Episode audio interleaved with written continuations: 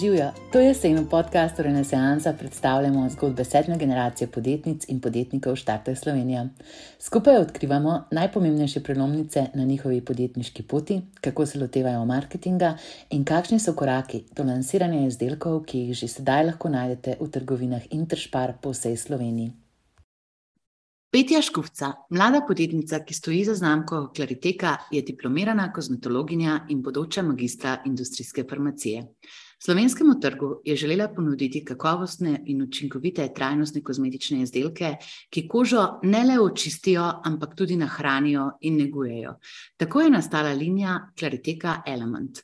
Danes se bomo pogovarjali o produktnih inovacijah, zaščiti blagovne znamke in kako zelo pomembno je, da stalno inoviraš v stiku s svojimi strankami.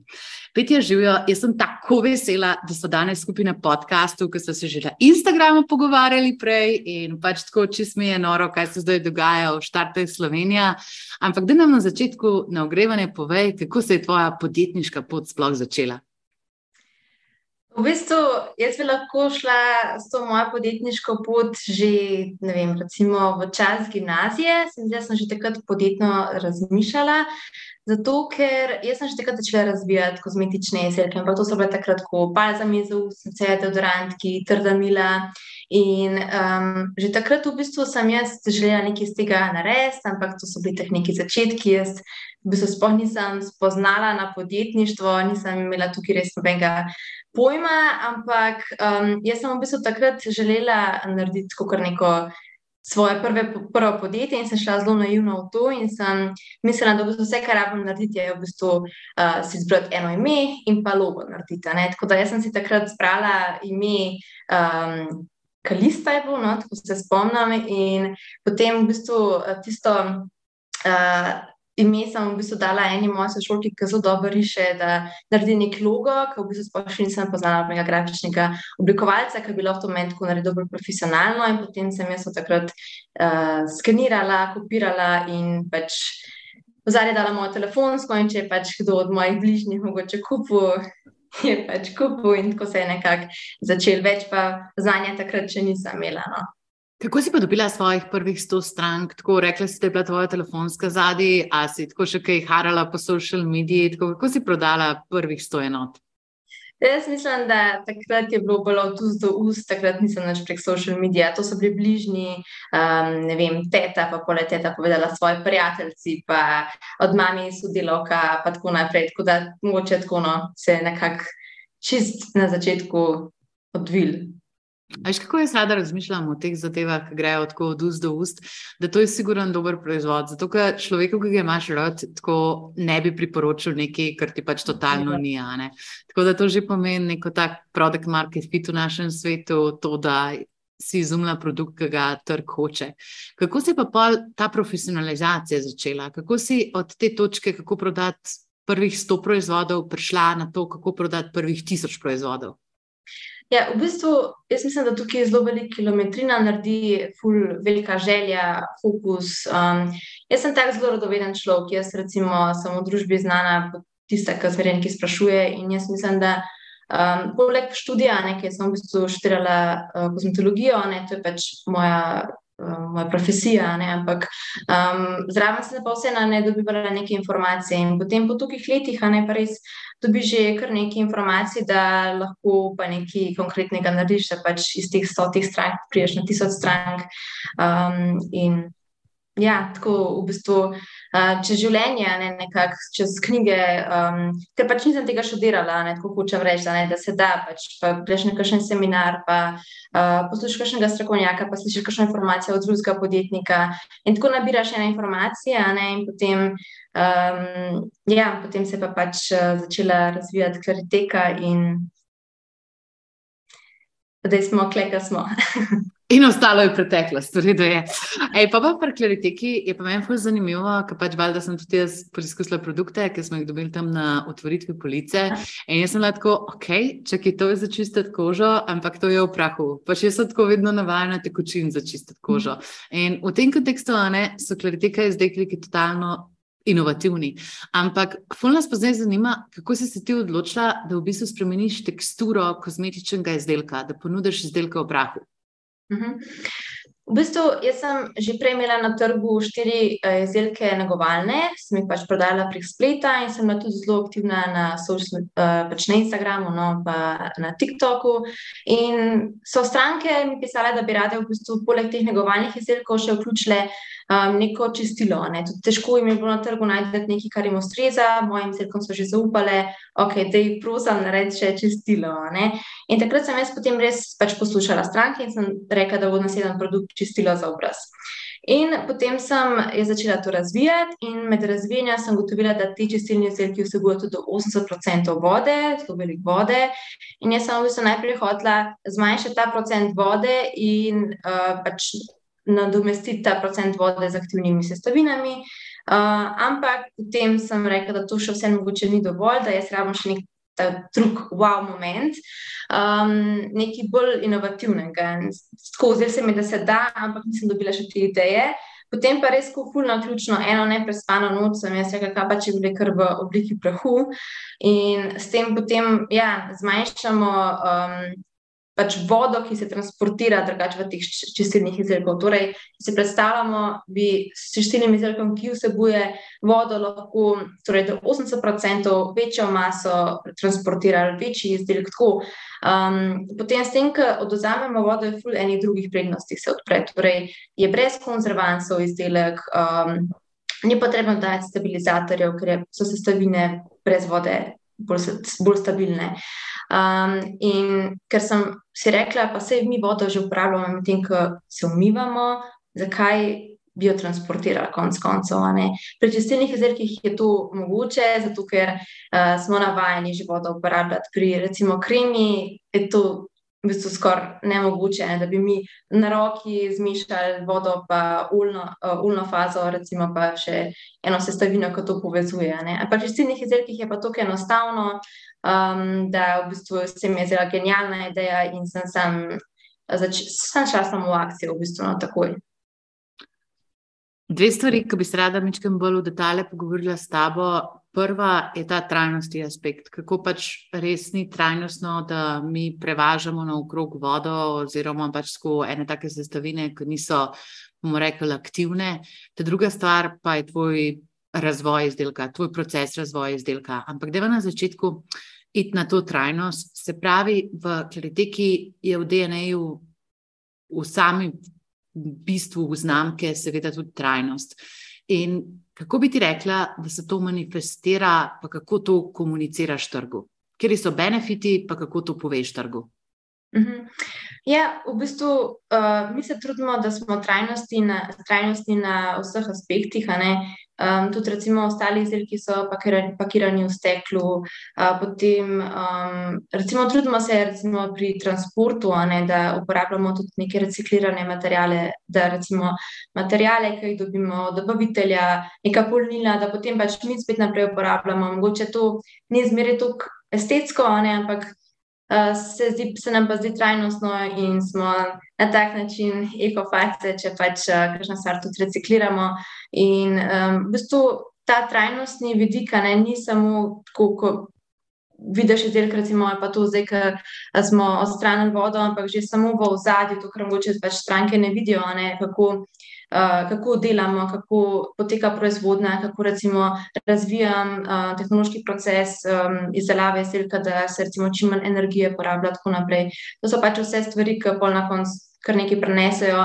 Um, Sploh, ko se pač podjetje raste, je že pravilno, da se osnove tako um, gradijo, oziroma da se postavijo osnove. No.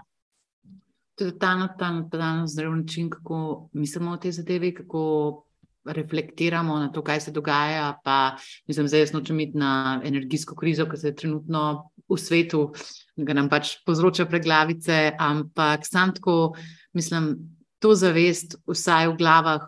Porabnikov, ono, veš, da res ti ni kul, cool, da dobiš izdelek v sedmih plasteh embalaže in da pač dobiš tiste mikroflaške, ki jih skozi stran mečeš. Tako da Ja, definitivno mislim, no, da se s tem na pravi strani zgodovine. Bolj bi se pa rada s tabo pogovarjala, prosim. Ja, mogoče sam še klej pred trajnostjo, tudi vse uh, treba um, imeti ta balans med trajnostjo, učinkovitostjo, pa varnostjo ne, izdelka. Ne. Pač trudimo se, ne, da mislim, tisti, tudi ostala podjetja, verjetno, ki se trudijo, da so trajnostne, ne morejo vsem tudi um, ta biti gledati, ne, da vsem, recimo, da zbiraš embalažo, kjer bo izdelek še vsem stabilen, na konc koncev. Um, recimo, da ne vem, kremo pač ja, ne moreš zapakirati v karton, karikiram, ne mislim tako. Um, da vse razumemo. Pač, ja, ja, ja, da vse je ta, um, ta balans, treba vse držati, pač vedno kakovost in varen izdelek. Top. In zdaj si gledal tako, ful dobro, resno vezala na to, da kot kozmetologinja imaš itak ogromen tega strokovnega znanja, pa o tem balansu, ki si govorila.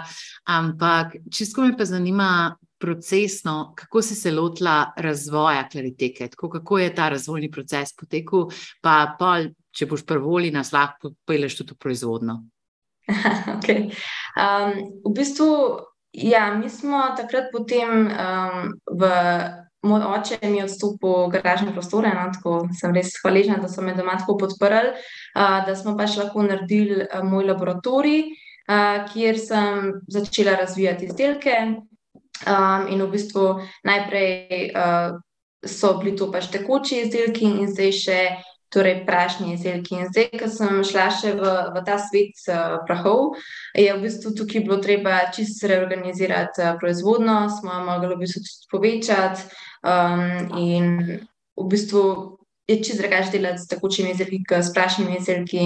Um, v bistvu, klej sem imela tudi težave najti pač nek mešalnik, ki je primeren za praške, pa za v bistvu tak specifičen izdelek, kot sta sploh uh, šampon za lase, pa čistilni gel za telo, ki ima tam noter še terečna olja, uh, limete.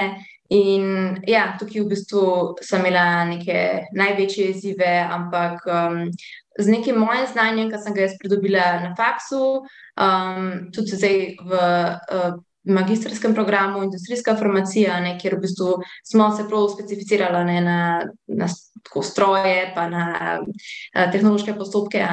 Um, in sem dejansko šla tudi pogledat, kaj še zapisek, kaj še zapiske.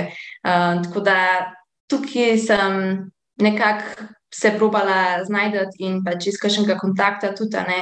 Um, sem veliko sem preklicala okolje, da sem pač organizirala tako, da smo lahko dostavili tudi zdaj, um, na interšpar in tudi za naslednje večje količine. Pa Petja, koga tu kličeš? Mislim, verjetno ne glih kolegic, ki ste bili v srednji šoli skupaj ali pač tako, da koga se sploh obrne za te informacije? Uh, v bistvu tako, se mi zdi, da najbolj pač, uh, neke pač podjetnike, a ne ki imajo recimo tudi izkušnje v proizvodnji. Uh, recimo, um, kontaktirala sem tudi v bistvu mojo sominterco, uh, ki mi je imela pri diplomski nalogi. K, v bistvu takrat smo mi delali diplomsko nalogo o stabilnosti izdelkov, uh, zato smo tudi takrat dobili preširjeno nagrado. No, smo tako se v bistvu kar pač povezali. No, um, tudi v, v oddaji bo uh, moja somitrca imela nek. Um, Nek dialog, oziroma um, bo povedala nekaj. No? Uh, tako hočem reči, no, da nekaj kontakte čez leta ne dobivaš, um, in potem pač pokličeš v trenutku, ko pač rabiš nekaj, se pač spomniš, um, ok, mogoče bi pa ne, mogoče tega profesorja poklicala za neko tehnološko stvar, um, za nekaj, kar je mogoče bolj logističnega, vprašaš kakšnega podjetnika, ki ima že podobno izkušnjo.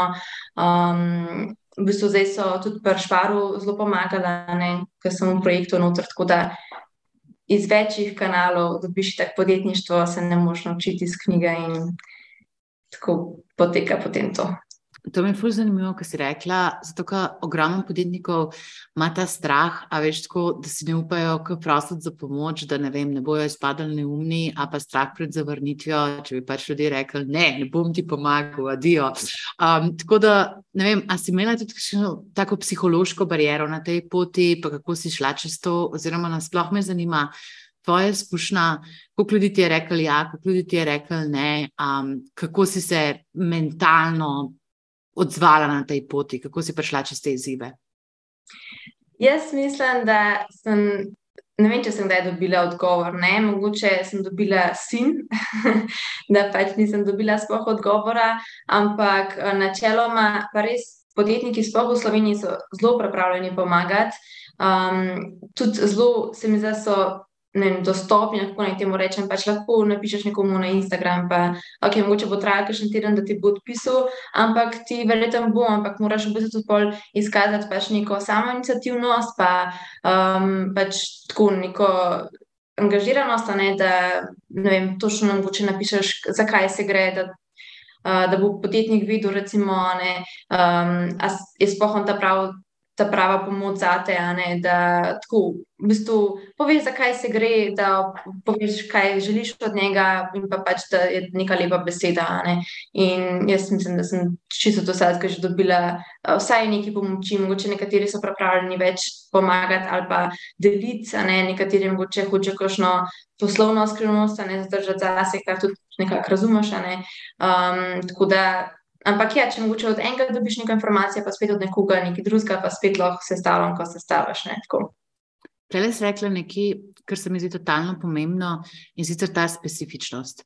Se pravi, da ne greš, da vem, da LinkedIn in da pišeš ljudem, ja, živijo, imaš 20 minut časa ka, za kavo z mano, za en zoom call, kadarkoli ti ustreza, se ti z veseljem prilagodim, zaradi tega, ker to je tako nek taka popačena verzija zmenkari, ampak da res opredeliš konkretno izziv in potemeliš svojo presojo, zakaj na podlagi te študije osebe ti misliš, predvidevaš, da je to ta oseba, ki ti lahko da zelo kakovostne informacije.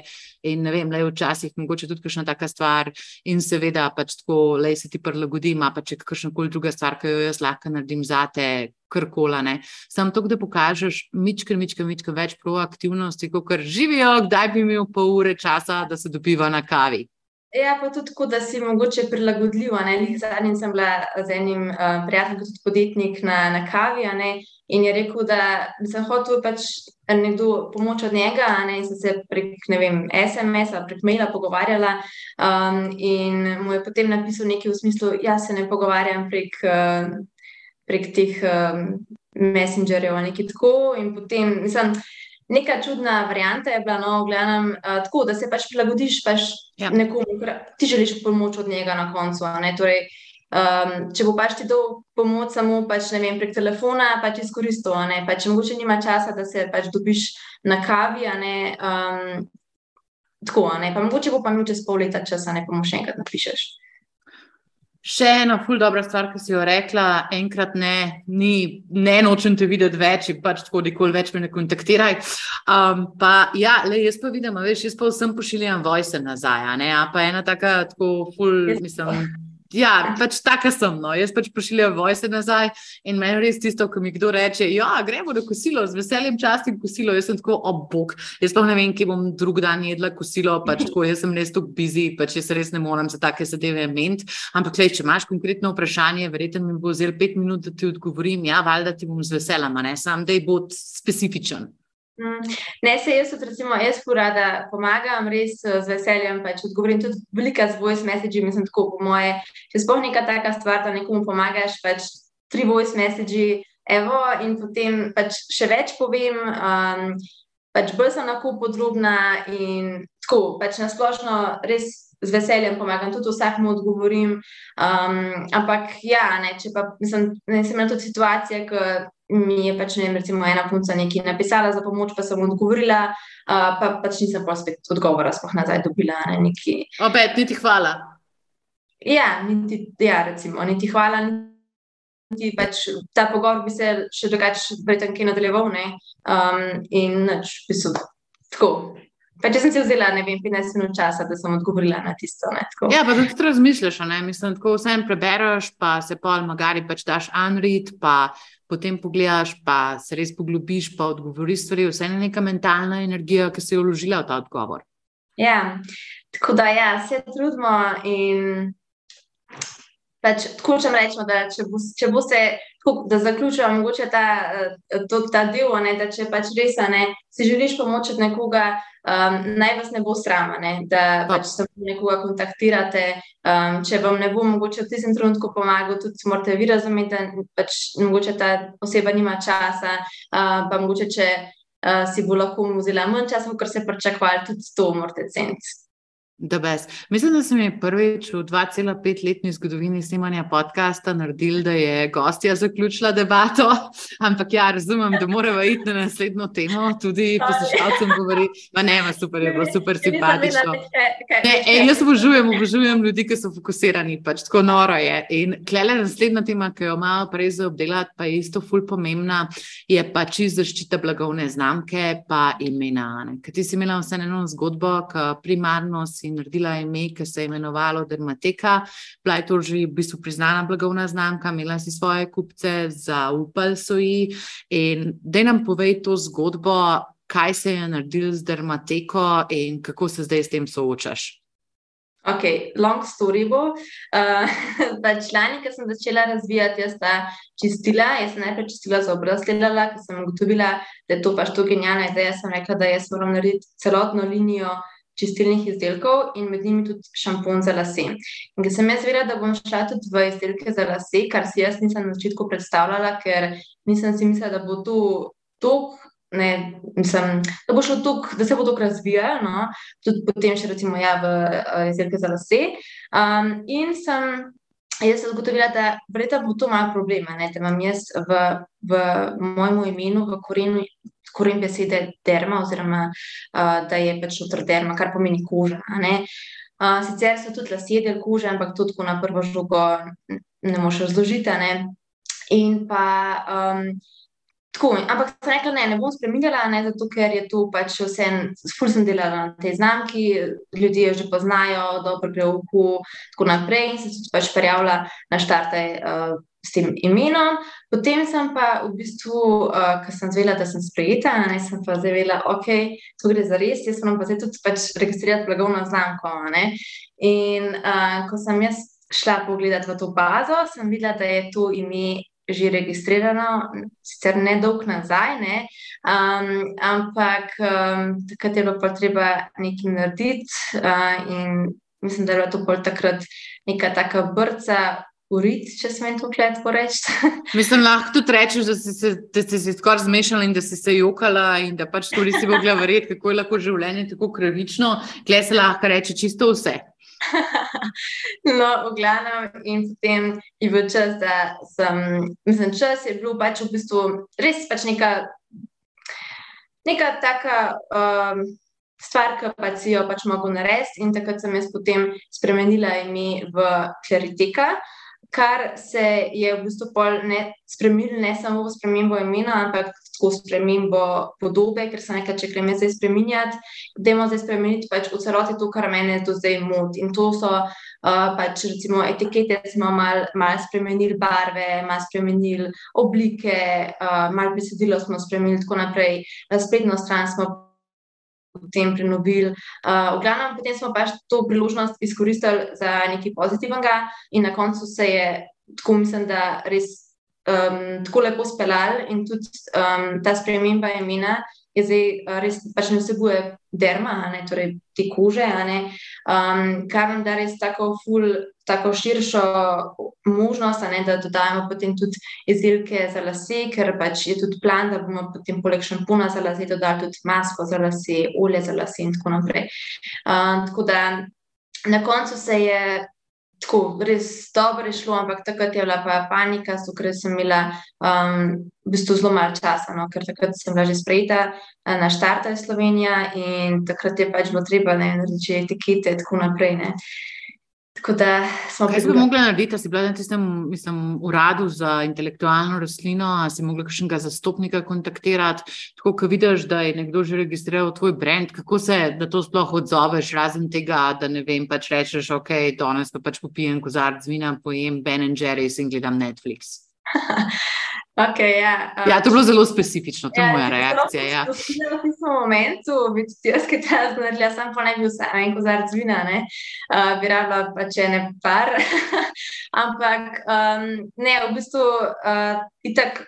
Sem tako, jaz sem taka, da zelo začnem razmišljati. Tako, um, nekako sem posresama, ne, se mi vidi to, uh, da sem pač bolj vem, tiha. Ne, nisem tako, da bom vem, um, vem, se jezila, pa kričala, pa jokala. Pač, jokam pol, mogoče pač malo kasneje. ki že rešujem zadevo. Ne. Takrat pa pač probam nekaj narediti, nekaj rešiti. Um. Sam, to je ful dobra reakcija, tudi tako iz vidika, mislim, čist biodinamike človeka, to, da ostaneš v bistvu dosti hladen, dosti racionalen v tem stresnem momentu, ki bi pač si lahko naredil več škode, kot koristi, če bi reagiral, to je top. Mislim, tako, jaz sem racionalno. Jaz mislim, da sem zelo emocionalen tip človeka, da nisem racionalen tip človeka, ampak nisem pa eh, človek, ki dela v afektu. Pač nisem tako, da bom pa zdaj, ne vem, to pa to pač ful premišljeno stvari naredim. In tolih, um, se mi zdi, da moja pol čustvena plat pride ven, nekaj jaz začnem razmišljati o tem, da to overtinkam, ne, to mene pol v bistvu stresira, ne, konc koncev. Um, pač ne naredim nekaj v afektu, ampak ja, pač, jaz meri ponovadi rešujem stvari tako zelo mirno. No? Ampak noter, a ne sem pa tako nemirna, oziroma ne tako, pač, um, kot da bi bila jezna, pa, pa taka čustva, ampak samo taka. Pa, Ne vem, kako ne, mogoče ja, pasivna, no, tako overtinkaš. No, ja, pa ful, mislim, če si tako predstavljamo zdaj, mislim, možgansko kapaciteto, ko jo imamo od nič do sto, da ti pobere tu 80 točk možganske kapacitete, ja. ki jo imaš, pač kako kopirati možgane. Ja, to, to, to. Ja, to pač ful ti energijo vzame, ne, zato si pol tako. Ker eni ljudje so pač ful taki, pa efektu reagirajo ful hitro, pač ne vem, bi mogoče v tistem primeru um, neko, neko odziv dal na to. Jaz pa pač rajšuno premislim, pa pol dam odziv, pa je pač vedno bolj mire, ker se že ohladiš. Ja. Ja. Ne, to je noro, mislim, tako res meni je vsaka čast, meni je trajalo približno do 32 let, da sem se to naučila, ampak to je res ena tako zrela, odrasla reakcija na stvari, da nisi pač tako kot temperana bomba, ki hodi naokrog in pač ob najmanjšem stiku eksplodira, ampak da imaš kontrolo nad stvarmi. To je top čustvena reakcija. Ja, no, super, hvala.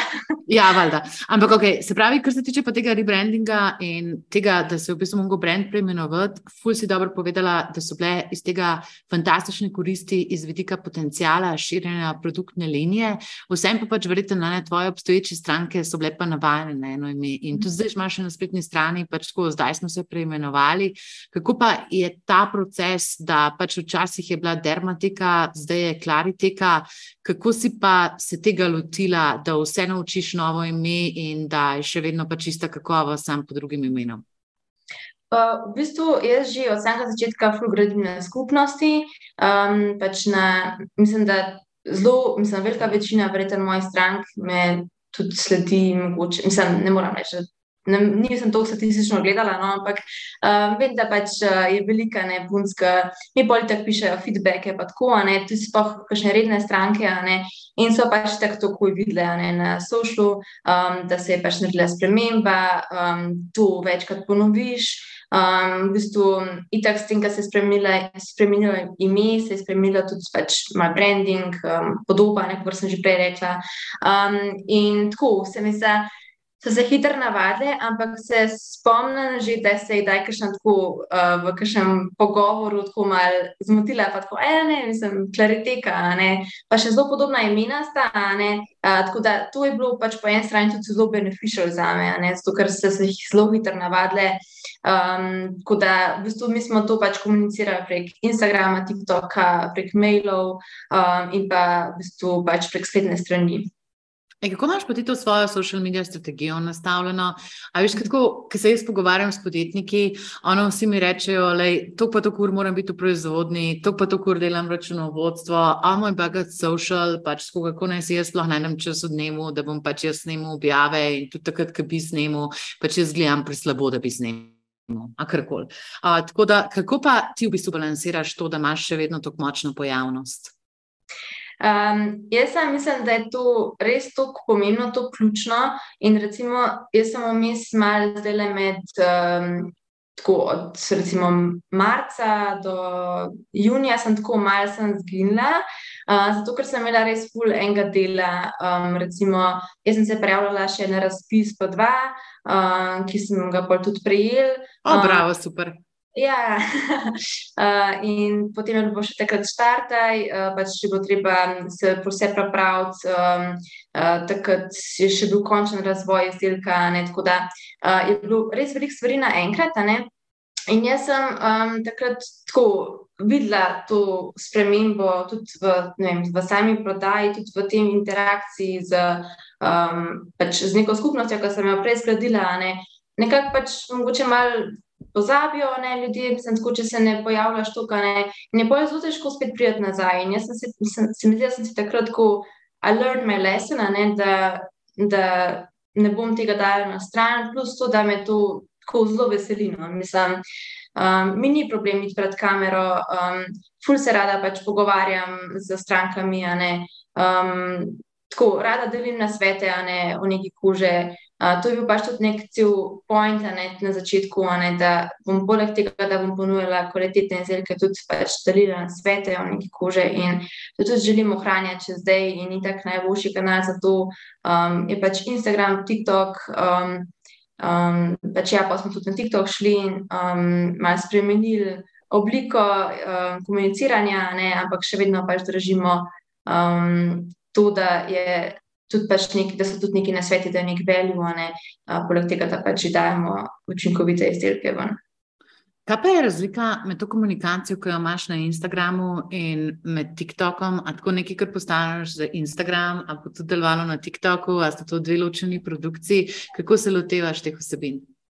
Tako, jaz sem reči, da nisem tukaj strokovnjak, uh, mislim, da mogoče bi kakšnega content creatorja tukaj um, reči to bolj podrobno vprašali. Jaz samo, kar se učim sproti, kar slišim, kar vidim, je res, uh, da nekaj, kar pač ti delaš na Instagramu, ne bo pač deloval na TikToku in obratno. Le zaradi tega, ker na Instagramu tebe bolj poznajo že uh, tvoji sedilci, mislim, ti se pač tam pojavljaš tvojim sedilcem, ok, zdaj zrelci, mogoče še kakšnemu um, tako novemu, ampak recimo prek storijev ti lahko pač nadaljuješ neko zgodbo, ne, ki si jo že povedal, ne vem, pred dvema mesecema.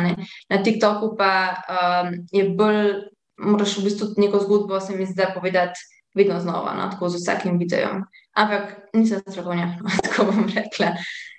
Ne, sem si pa kot ustvarjalec in vidiš pač tako stvari, ki si jih naredila, in stvari, ki so ti bile kul, cool, stvari, mogoče, ki ti niso kul cool delale.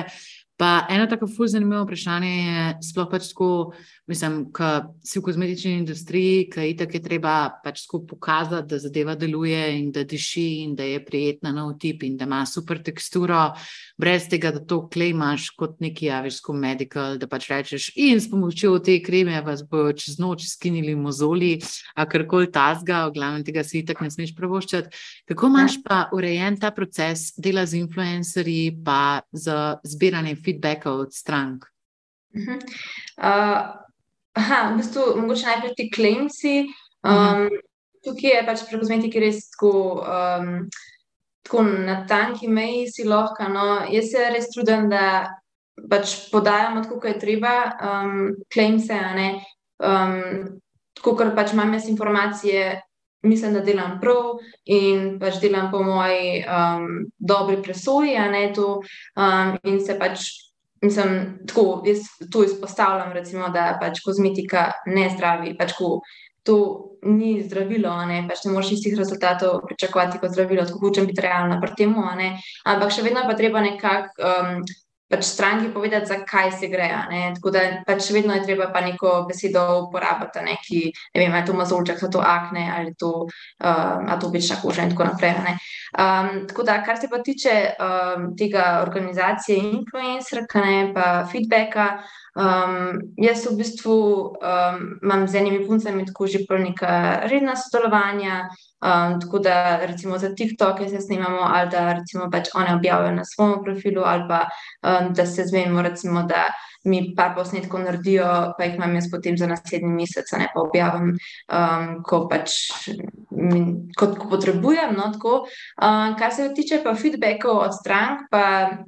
Ja, jaz to dobivam več ali manj na Instagramu, potem screenshot naredim. To je bilo vprašanje, uh, glede feedbacka. Ne, tako, a imaš mogoče, tako kot ti kupujejo, a veš, kakšno tako porabno zanko, kakšno e-mail sekvenco, a pa ne vem, če ti pošiljajo vsi veseli slike, o, oh, wow, ful je bilo dobro, tako rajk amazing, to rabiš vse. Zato, da bi se lahko to v marketinški komunikaciji naprej uporabljal, predvsem to me zanima.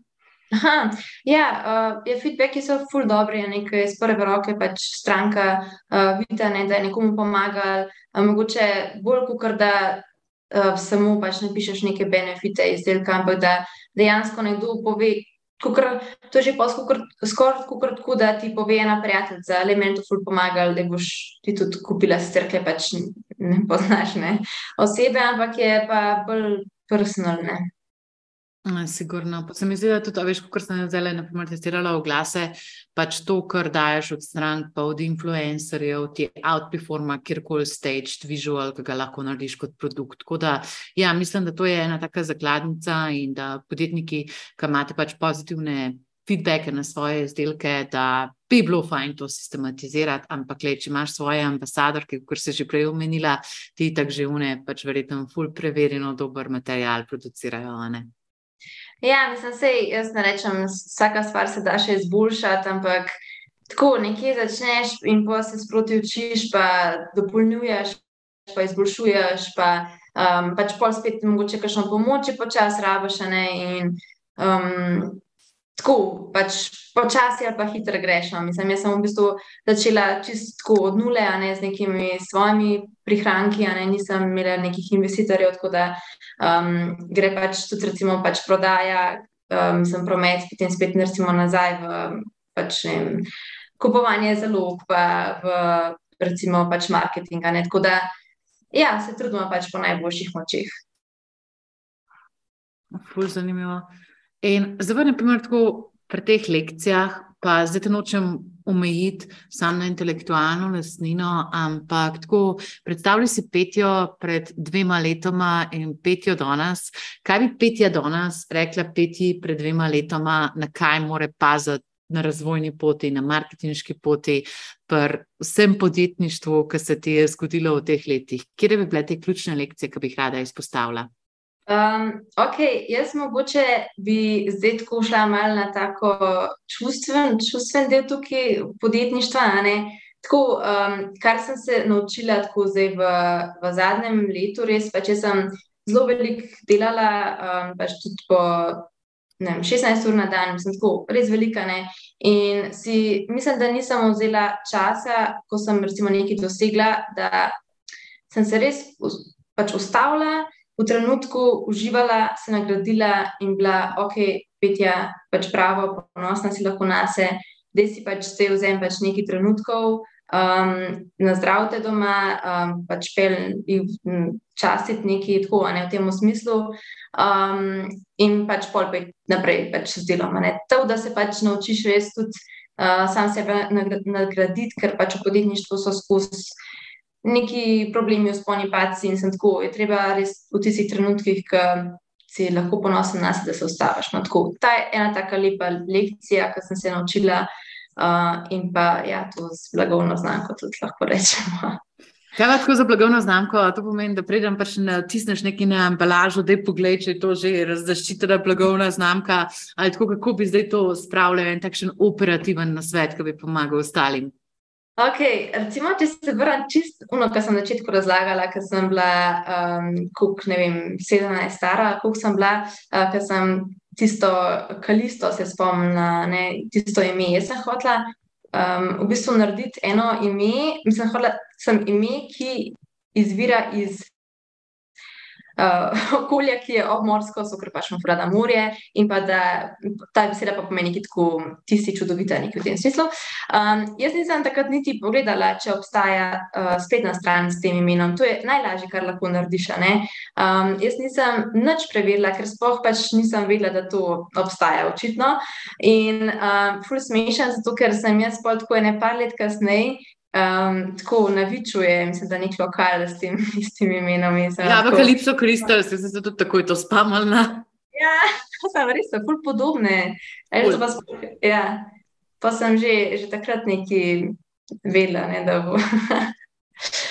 um, tako da, ja, zdaj se mi, mislim, uh, kaj to pomeni v bistvu.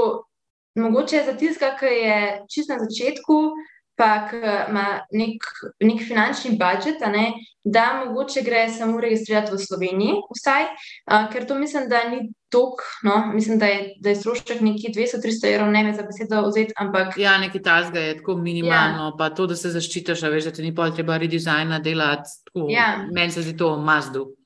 Ja, ker tudi, recimo, jaz sem pol gledala, da se je pač to meni zgodilo, skušanje pač ostale manjše podjetja, ne, pa skušanje content creatorje, ki delujejo tako pod nekim pseudonimom, ne, tudi tako velikih nima, no, tako bom rekla, ne. In to se mi zdi, da pač res ni tak strošek, ne, če greš pol na evropsko ravno ali pa na uh, to svetovno, je pol dražji res, ne to. Um, to smo se pač mi zdaj odločili, ker um, smo šli na evropsko, da pač imamo pokritne, če gremo pa tudi tujino. Ampak vsaj za začetek, ne, da če mogoče se, ja, zakaj pa ne. No? Ne, pa mi je bilo všeč, ko si prej rekla, te, da se ustaviš da mičkam pač tako sam sebe po ramci potrapljaš, hej, dobro si naredila, pač tako super je bilo, le pač tako, wow, to se ti je naredilo v biznisu, da je, lahko imaš zdaj ta večer, freja, karkoli tazga. To se mi zdi, da v tem setu ambicij oziroma teh planih, ki jih imamo, pričakovanjih, ki jih imamo sami do sebe, pa še viziji za naslednjih deset let, ki smo itak pač tako neumorni v teh pričakovanjih.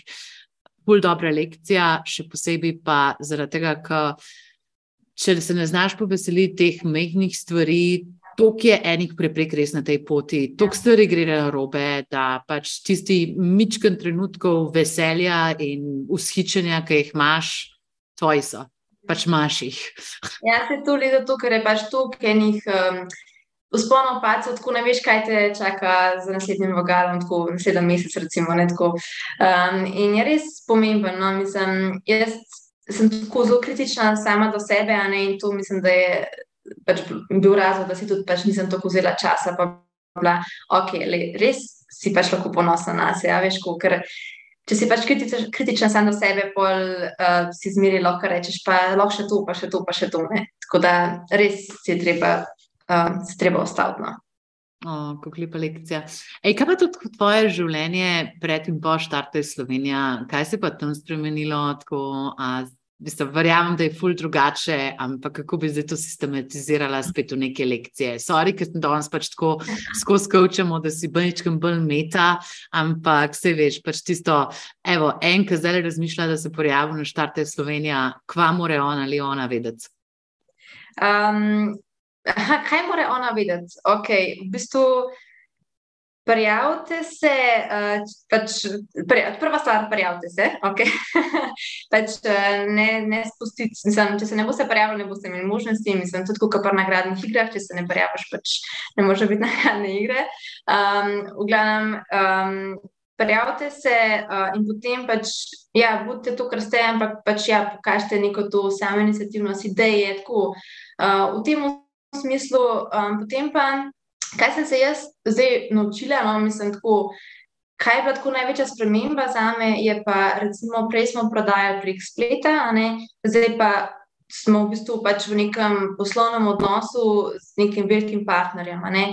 In v bistvu tako, ne, ta, uh, to, da se v bistvu naučiš imeti odnos ne, z, neki, z nekim tako velikim podjetjem, recimo, ne, um, da uh, pač, da znaš komunicirati. Mislim, da to je pač nekaj, kar se mogoče moš naučiti. Uh, potem pa sploh, recimo, uh, logistika ne, je bila neka stvar, kar sem se naučila, kar je bila recimo različna od spletne prodaje.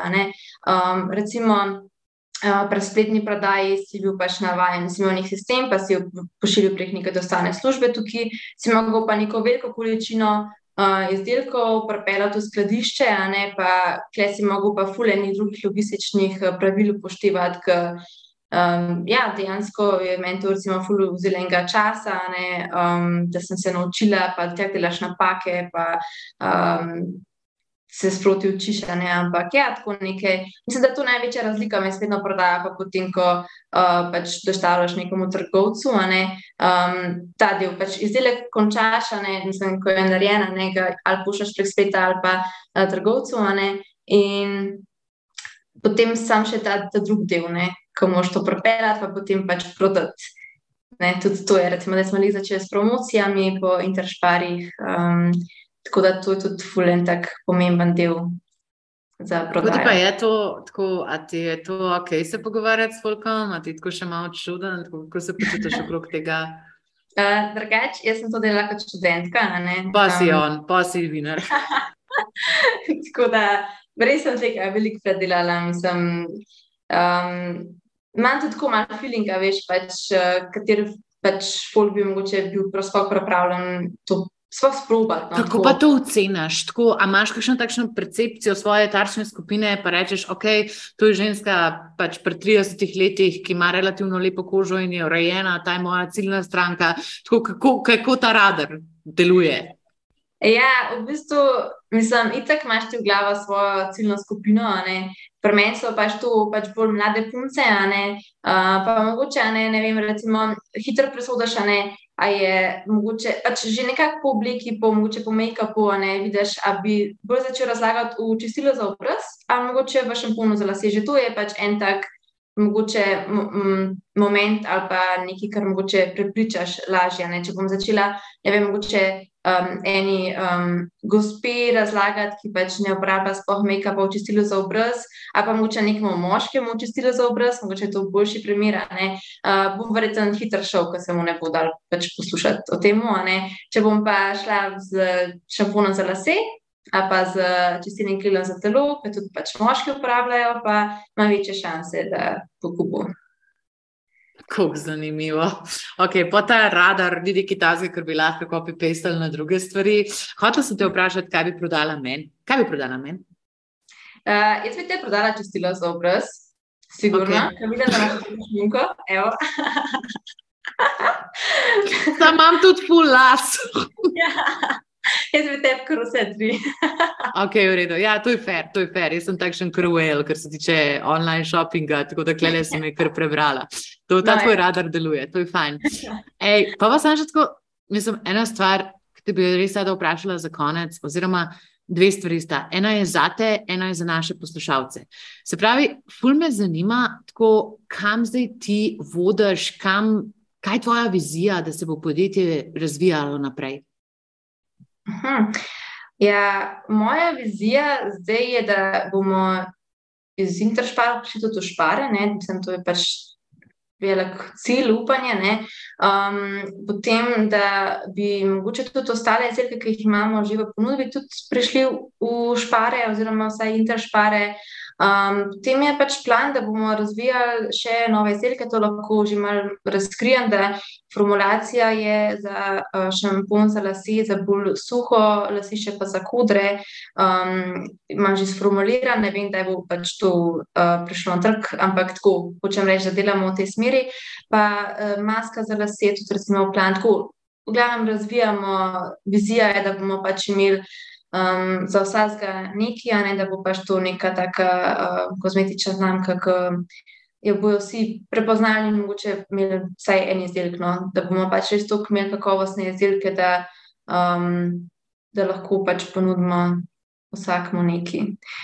Tako, to pa težko, da bomo rasli, da bomo, um, da bomo odgovorno podjetje, um, kar se tiče pač okolja, kar se, uh, pač, pač, kar se tiče trajnosti, a ne pa tudi potem, da bomo imeli, um, pač nekaj si želim tudi, da bomo imeli čim prej oziroma k malu zaposlene svoje poslovne prostore, da bomo širili proizvodno. Tako, take stvari za, za rast podjetja, uh, bomo pa videli, kam nas bo pripeljalo, ker to pa ne moramo vedeti. Ja, mene prav navdušuje, Petja, ko to razlagaš. Sam eno metriko ti bom namigalna, glede na to, kako širok asortiman izdelkov imaš v mislih. Um, ena full dobra metrika, ki jo je imela ena moja stranka, je bil share of closet. Se pravi, kakšen del omare, ki so bili pač v fashionu, našega kupca zasedamo. Tako pa ti bi lahko imela share of bathroom, tako delež kopalence, ki ga zasedajo tvoji izdelki. Prav, če boš začela in kdaj razmišljala o kakšnem alternativnem metričnem sistemu, to je to. Pa če ti smem okay. dati še dva centa, jaz mislim, da čez ene, ne vem, dve leti, ima že zdaj, ampak čez dve leti, da boš ti absolutno čudovita mentor mentorca za podjetnike, zato ker deliš nesebično znanje, fulmaš dober tudi način, kako artikuliraš svoje misli, kar je prej redko, skoro pravilo. Um, tako da, ja, jaz mislim, da lahko ti svetu še ogromno daš. In če zdaj podcast zaključva točno v tem duhu, kaj so te nasveti za podjetnike, ki se zdaj poslušajo in rečejo: O moj bog, jaz bi naredila na redu tudi to, kar je naredila Petja. Kaj morajo oni vedeti? Um, da se najprej vrnem na to mentorstvo, še mogoče. Ja, tudi uh, jaz imam mogoče v planu ne, v prihodnosti, da bom tudi se tega uh, poslužvala, oziroma me tudi to veseli, da daš nazaj na skupnosti. Uh, tako da, kar se tiče pa mojih nasvetov, ki sem mislim, da sem jih danes že kar veliko dala. Ampak, ja, totalno. Ampak tako, zdaj, zdaj tako, veš, predstavljaj si, da človek nima še nič narejen, da ima ja. samo incepcijo tega, da bi rad bil podjetnik in pač, da se res pogovarjaš, ne vem, za 16-17 letno petijo ja. tukaj. Ok, se vem, se vem. Uh, kar je ful pomemben, je res, da pa začneš danes, ne jutri.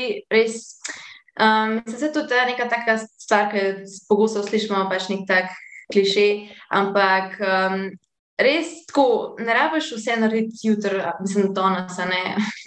ne rabiš vse narediti danes, ampak lahko že, ne vem, samo en telefonski klic, pač kako spoh odprem podjetje, ne vem, pa kje, ne vem, lahko natisnem svoj prvi logo.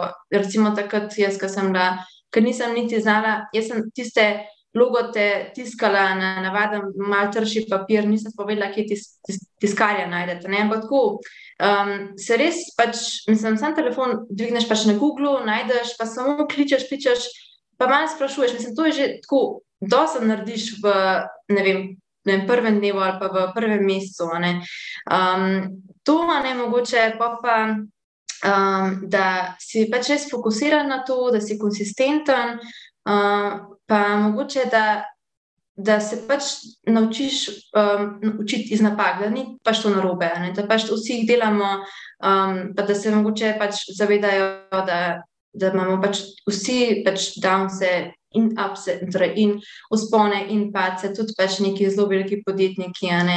da imamo vsi pač neke take slabše misli, um, v smislu, pač, joj, ali sem to dobro naredil, ali, uh, ali nisem, ali to lahko boš. Pač, mislim, ne vem, kako zares razmišljajo veliki podjetniki, ampak si pač predstavljam, da pač, ja, ne, tudi imaš take slabše dneve, ampak te, te občutki te ne smejo, te ne smejo prevladati nad nad temi pozitivnimi, kreativnimi dnevi in sam to je pomembno. Pač zbojo pač neki taki slabi dnevi, ampak to ne sme premagati dobre. Sam to si moraš zapomniti, pa da začne do nas. Začne do nas.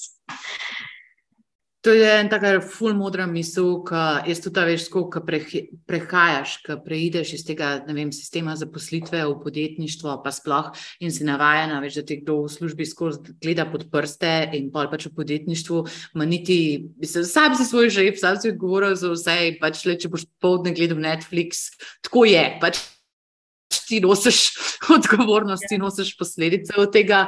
Tako da, ja, tam je pa ful dobra tvoja lekcija, no, oziroma to, da mogoče nisi vsak dan 100% in da mogoče ja. pač kakšen dan enostavno nimaš takšnega preboja, kot si ga imel. Včer, in da si takrat v bistvu umiril sam sabo, da si na nek način skoraj da oprostiš, da pač ne moreš vsak dan delovati kot stroj, Ja, ker se mi zdi tako na, na, na social medijih, pač vidimo samo te dobre stvari, ne, recimo podjetja, ne, ponavadi. Mislim, da tudi nekateri so bolj transparentni, pa tako, ne, ampak um, tako hočem reči, no, da, pač, da so tudi, um, tudi slabi dnevi in da naši narobe s tem. No, mislim, da sam, da si ne smeš pustiti, da polkar obupaš. Fair. Petja, fulti hvala za vse tvoje čudovite lekcije, za tvojo iskrenost, pozitivnost, tako kar na energizate ta pogovor, tako kul je, ker tako zdaj bi šla razmišljati o kozmetiki, pač tako noro se pogovarjati s tabo. Tako da mi ti želimo eno fenomenalno sezono, tako da ti bo maksimalno dobro uspel, da bo klariteka res zauzemala čim večji delež kopalnice, a kaj si zmenila, da je zdaj nova ključna metrika. Tako da hvala, hvala, hvala ti za vse, pa res pač pozitivne vibracije, da ti maksimalno dobro uspe. Hvala ti uh, tudi pač za, ko, ko rečem, komentar, pozitivne komentarje. No, in pač hvala za ta pogovor. Sem tudi jaz tako energized, malo ti misli, da že ven iz sebe, veš, rabi se da pogovarjati o tem. Tako da, ja, hvala ti, ful, tudi tebe, tudi tebe, ki si me imela. Pa se slišimo naslednjič, kako. Top, bo še definitivno še kdaj prišla, da je zadnje, pa se hvala, hvala, hvala poslušalcem. Jaz upam, da vam je bila ta epizoda top všeč. Uh, hvala, ker ste nas poslušali. Pa če pa rabite karkoli petijo, pa kaj je najboljši način, da se povežejo s tabo? Instagram, najhitreje. Ja. Prav, grem pisati. Ajde, čau. čau. Navdušena sem, da lahko predstavim takšne navdihujoče zgodbe, ki dokazujejo, da sami zmoremo veliko, skupaj pa zmoremo vse. Če ti je bila ta epizoda všeč, bom vesela tvojega komentarja ali ocene v tvoji najljubši aplikaciji za podkaste. Če pa imaš svojo podjetniško idejo, ti lahko namignem, da se bodo kmalo odprle prijave za že osmo sezono Štartaj Slovenija. Zgodbe podjetnikov Štartaj Slovenija lahko spremljaš ob nedeljah zvečer na Pop TV. Hvala lepa, Špar Slovenija, za podporo pri tej epizodi.